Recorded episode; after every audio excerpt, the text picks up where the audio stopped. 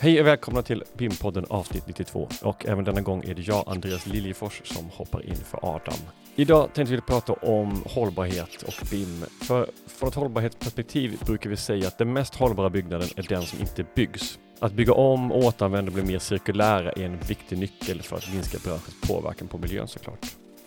Så hur kan BIM hjälpa cirkulärt byggande? Och för att prata om det här så har jag idag bjudit in eh, Firat Ergan som är Technical Sales Specialist på Autodesk här i Stockholm och vi kommer ha den här intervjun på engelska.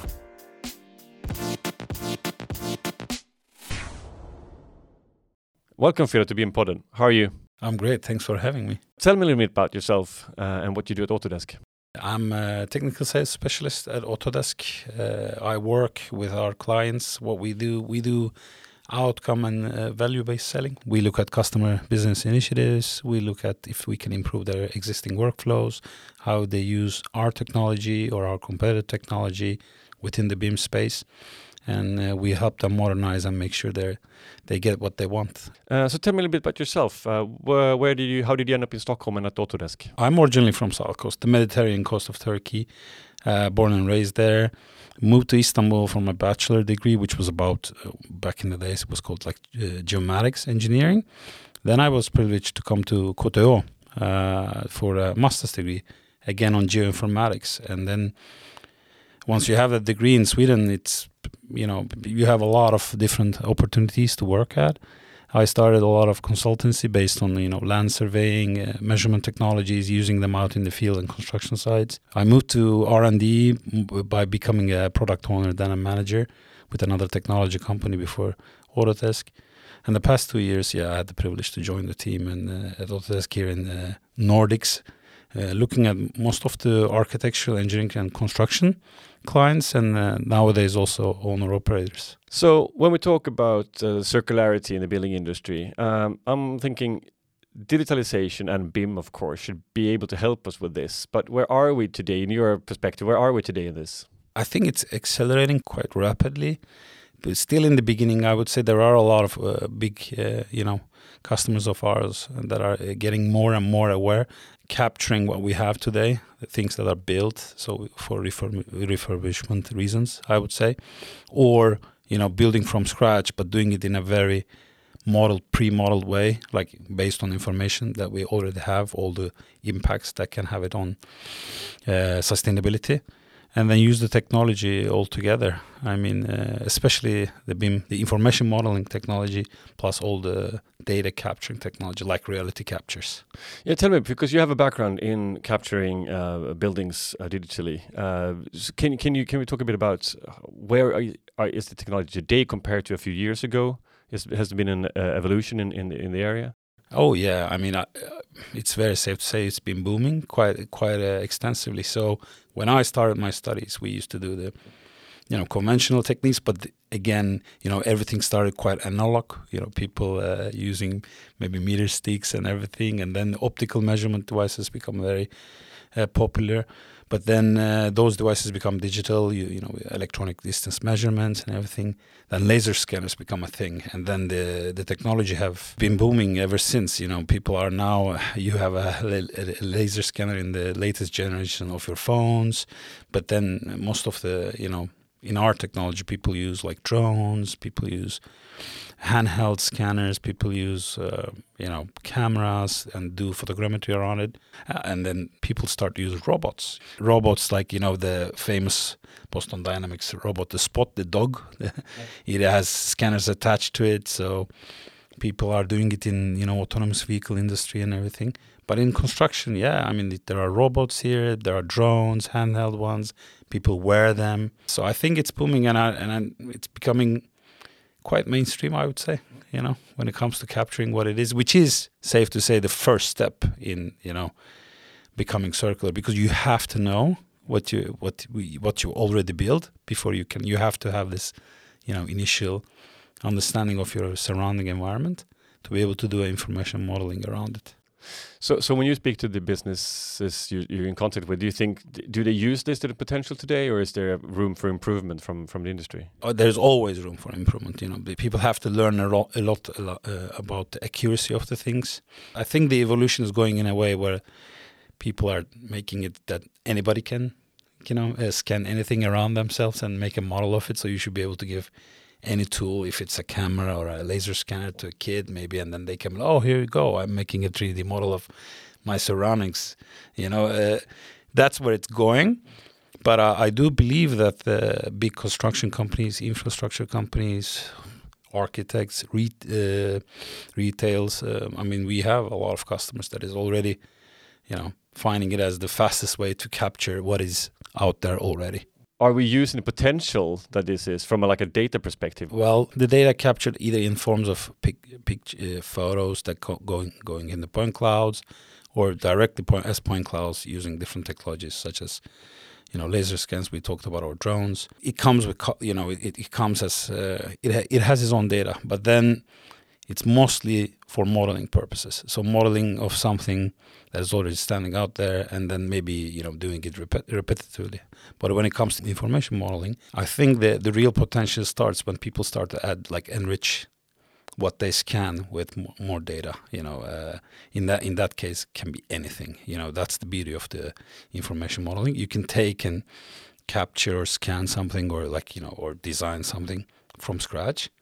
But once you start to enhance that the, with data, and there is no end to it, you know like you can put carbon dioxide emissions or you can put like costs or you can put you name it you know uh, that's the beauty of the information modeling and then you're starting your journey in a more enhanced manner i would say.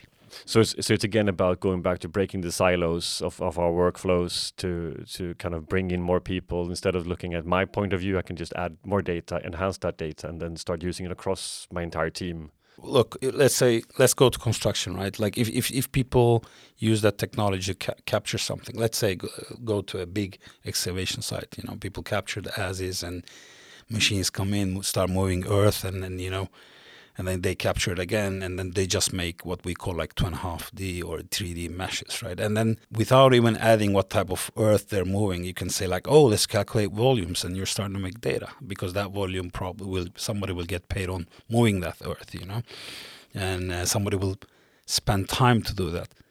And then imagine putting more data into that, like what kind of what type of soil did we move? You know, does it have environmental impact? Should we do something around it? And then you you start to cover more and more different type of works. And then if you're going to install something in that space you know you're going to build an infrastructure there. You're going to put a bridge there you're going to put a i don't know tunnel there you're going to raise rise a building there. I mean then you have to model that one and then you have to add a perhaps blend the whole earthwork data the site data with the infrastructure data you have and it starts to become even more interesting you know. But then with all the data you have, then you can come you can start to use it for uh, more meaningful outcomes. You know that's where the circularity comes in or any other thing. You know most of the companies are using it for i would say to be efficient mm. if they ever use it.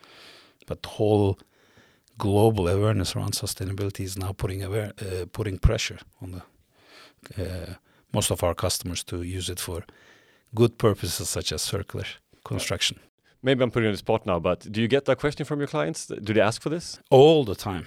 Like it's all the time. If we look at our initiatives, I mean, especially as Nordics as a forefront in this in the global environment, if we see the customer not bringing sustainability as a important outcome that they want to reach, we we we, we see ourselves questioning it, and then they are like, "Well, that goes without saying." I mean, if you if you look at our customers nowadays, you know, everybody is a sustainability expert on board. You know, there are people who are paid to do this for themselves, like you know who who are to do that report, to do that declaration for the company. It's almost a must. And a lot of EU commissioning now is happening to put a lot of hard declarations or demands on our customers, especially in the construction space. So, but if, so if you look at these uh, these uh, regulations coming in, do you think that how could we use uh, digitalization? How can we use BIM to make that more easier to follow? Um, very good question. So, uh, it's I think if if you're not in BIM, it will be very uh, hard to be compliant because the BIM is is just a a big enabler for these kind of things. You know, like let's look at our technologies. We have uh, we cover the pre-design, design, build, cycles of construction and then operation and maintenance, right? So if you are using our technologies, you are auto- you that means you have entitlement to you know declare such uh, data during the whole life cycle of your project. You know the pre-design part, the design period, and the construction. Just to give just to give some examples, you know, with the with our new platform thinking and everything, we're now launching uh, our new uh, product set as Forma that completely gives you freedom to the pre-design side of the things, and then we are you can take that data, put it into Revit, and then expose that to our Autodesk Construction Cloud. Then for the entire project life cycle, you have you're already capturing that data, you know, um, and you you have the freedom to enrich your models with everything more you would like to add in there. Not only you know budget, not only carbon, but any data at any time. So if you don't have that, not only your data is super siloed, but you you have how can I put that on? Like it's it's it's impossible to put them all together like in a, in a more efficient way i would say. You can still do that but it will be maybe a pa paperwork there maybe a, a proprietary data format there maybe a you know a local server there someone's cloud service there. Whereas if you want to put them into cloud powered by our design tools you know powered by uh, our platform in the going future then it's all there. And then you can do analysis on it. You can share it with the public. You can share it with your stakeholders at any time you want so would you agree if I said that before we kind of viewed data as a separate thing from what we did? I did my stuff, I did my thing, I did my, what I was going to do, and then I got data output and I shared that with people. Are we now changing? So we're saying, okay, well, let's start with data. Would you agree? In- yes, I agree with what you say, but there's caveat to it, obviously. Like um, data used to be looked at something like, oh, you analyze and you look and then you make a meaningful output. That should be data. Now, nowadays it's different. The data has a life cycle. So you cap it, you you bring you capture something and then you you start on your data, right? And then you try to make something meaningful out of it. And at the same time, more data comes in because there are so many stakeholders in a, let's say, construction life cycle. You know, there are earthworks and there's the designers and then there's the, you know, MEP. Everybody's coming together. Someone is going to pour concrete and everything. And so everybody brings data all the time, which with all are meaningful, by the way. So, but then you have to put them all together for whatever your purpose is. If you're going to do a project management or you know budget calculation, or if you want to go to tender, you know, or do a pre-design, then you make use of perhaps all of the data sets or different subsets of these data sets that that I just talked about during different cycles to make even more meaningful data you know?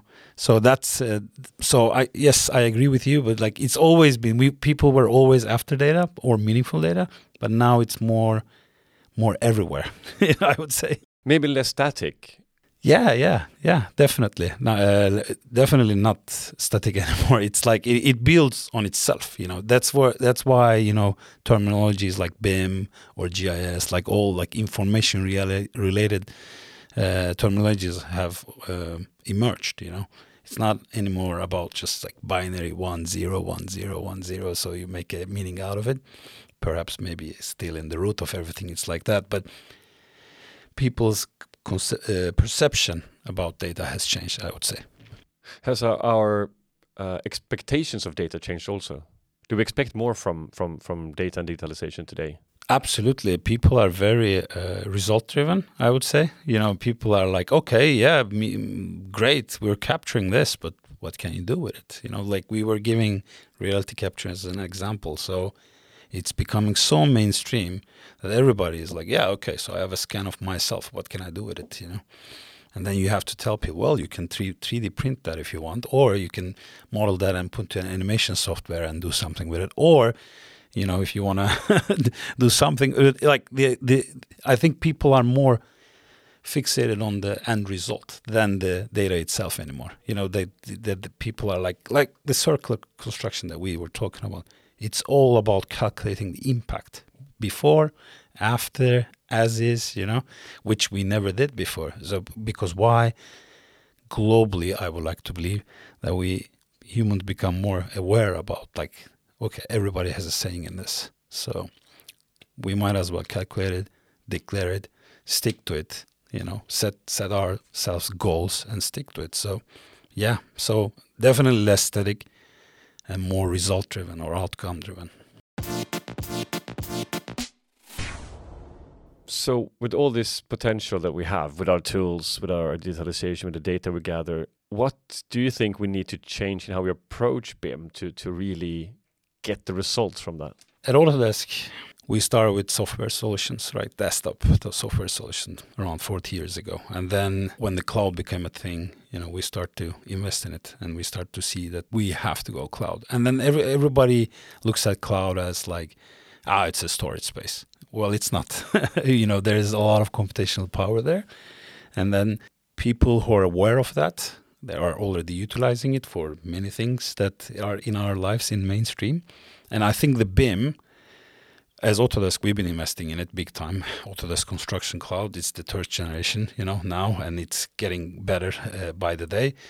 Uh, but people have been thinking it as like, oh, cloud is somewhere where you store files. Well, no, you you take your data there. It already computes a lot of things the moment you take it there. It's just not a cloud storage space. It's a BIM cloud. It makes very meaningful actions on your uh, on your models that are happen to be preferably in Revit or uh, any other solutions obviously out there. But then it allows you to do way more things that you people that are some are aware and some are still not aware on a on a project uh, on a construction project life cycle. You know, um, I think the way we look at um, the next the next way will be to to elaborate even more will be the whole platform thinking. There's data we the, the way we talked about data there's data everywhere right? So it's like there's data on the papers in analog form that you read.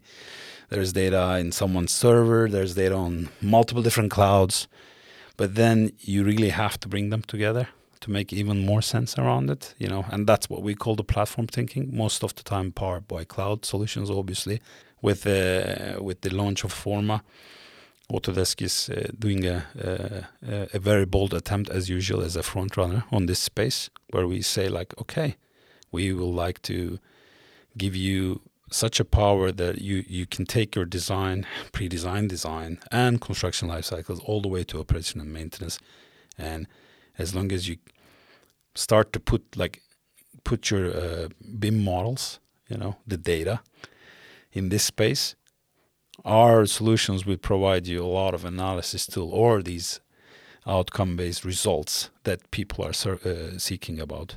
To go back to the topic of this podcast, like circular construction, yeah, we will be giving you that data from the pre-designed, from the uh, all the way to the end of it. You know, at least give we will be providing you technology with the lowest impact, by the way, and also uh, highest chance of automation around it. So, so basically, what we're doing, if if we move to this kind of when we combine so many data points, we combine our models, when we combine all the work we do in in in the life cycle of a project, we we kind of take away the unknowns. We know what's going to happen with this building. Uh, we know what's, what it's been. We know what we can remodel it to, and then we know what's going to happen to it in hundred years' time. Absolutely. I mean, you will. Uh, it is kind of like a simulation of things, you know. Like uh, it is it is the closest that you can get to the reality. I mean, anything can happen and the building can do, go down, right? But like, if you do, if you really have the data points from the beginning or um, captured on something that's built several hundred years ago, you have your, you know, as is, and then from that, if you continue feeding that model, preferably in a cloud or a platform environment, continuously with you know people are now looking into how live data streams can enhance uh, BIM solutions or BIM technologies. If you if you constantly bring all that data together, you, the the buzzword that everybody likes, the digital twin, right? That that starts to become true actually because you are. Uh, a twin representation of something really physical in uh, sitting in life, whether that be a tunnel, that be a building. The other day, someone was talking about like you know modeling their car or yacht or whatever. It's all the same thing, as long as you enhance that uh, that whatever you're modeling. Uh, with information, with continuous data streams, and keep it in one place. You don't make in silos, so it's a live living thing. Yeah, you're you're you're you're you're, you're doing what is what you should be doing to to to to make sure the whether it's uh, whatever circular calculation that you're doing around that you know whether that's uh, for construction or any other model So, uh, if we do look ahead uh, about the next big thing, because I think that having a, a, a talk about uh, uh, BIM or data or anything with computers nowadays, you need to talk about future, and of course, you need to talk about AI. Yeah I, think that should be in every discussion. by the way, Exactly. not not it's not a separate subject. AI. Not anymore. It is how how does it apply to, anymore, to right? no not anymore. So looking ahead, like if if if you take first, like what is the next thing, the next big thing in in in BIM? You think? uh, from from AI's perspective or Uh, From from any perspective, really. But if, is is it, is it AI? AI or, or I mean so let let's let's have a let's have a little bit history and then then I'll uh, answer answer that. So maybe a short answer is yes, I would say. AI has always been part of uh, BIM space, uh, but in different forms. You know, people have been using what we call like generative design. So the best uh, example is uh, like you know, I wanna uh, I wanna draw I wanna draw or design a chair versus I want to draw and design something to sit on. Okay, so it can be a chair, it can be anything. You know? And then we had uh, a lot of solutions past 10, 15 years that actually allow that, uh, allow our users to create something to sit on, whether that be a chair, chair or a form of chair, or with uh, within our generative design tools. So people used to put data, and then they used to get a lot of uh, design options using our uh, our world famous tool, I would say Dynamo Suite, uh, and then you know there are communities around it. There are people already doing magic with it. A lot of design automat- automation and what we call generative design is like when we, when you get a lot of options from the computer based on what you're inputting. Well, the AI today, you know, so Autodesk has been part of this, but now the AI today is a bit a bit different. You know, it's again like how technologies are becoming mainstream, just like reality capture. You know, it used to be a, guy like me, certified surveyor, having a laser scanner doing scan, and now it, people with cameras can do that. I think today's AI is how we, the, if you look at the past one year with ChatGPT and OpenAI and everything, so it, it's going very fast in a way that end users will be able to do their their magic with it from from uh, from the BIM and uh, Autodesk perspective. Like we always do, we're discussing with our customers. Like, how do you think they you will benefit from it? What do you think you should benefit from in the BIM space, or to make your work uh, works is in design space? You know, like should you be really using AI, like, and how you should be using? So it's like Autodesk is definitely looking into it. You know, in a very um, calm and humble way, but uh, again in a very forefront and a research and development way, obviously. Um, but yeah, I would say it will be one of the next big things within the BIM. We have been doing it, we are doing it, and we will be doing it for sure. So, so if I if I understand correctly, so we talked about the chair, like it's it's, it's the need to sit on something. So, so so instead maybe of asking how can we draw a house, how can we draw a, a tunnel or a motorway, maybe we we're just gonna ask our software or our, our programs. So how do I design an, a, a habitable space, and whether it draws a house or something else is irrelevant because if we just like solve our needs rather than uh, having a house. Yeah, I, the thing is, I think it will help us in uh, multiple different ways. I would say, like AI, like first of all, it's a very good analysis tool, right? Like it, it will, uh, if we feed it with the data, it will look at the data. It will tell you a lot of things about the data you're feeding in. It will learn from it, and then it will tell you. You know, if you ask, uh, give me a tunnel from location A to B, it will probably put a straight line in its fir- first first iteration, but it won't be the case, right? So it's. Uh, but if you start to add and learn, uh, teach it, and then it will give you things that uh, are probably sometimes much better than and human beings' uh, capabilities of giving uh, design capability uh, design options. And but then there is the the learning when the learning aspect comes to a point, it starts to do it will start to do a solution engineering for you. You know, it will be like, well, have you considered doing like this? Have you considered doing like that? You know, and that let's tie that to circular construction, right? It can tell you like if you use that kind of material, your impact, total impact will be like this if you do that. And then if you enhance it even more, like, oh, well, to be able to hit that target, you should uh, use this much material with this quality that you should import from this country and everything. So it's getting very, very, very, uh, you know, advanced depending on what you're going to provide to it. Those tools, I think, like based on what you feed into it, will be very available by us, or I'm sure our competitors are looking into it. Everyone is looking into it.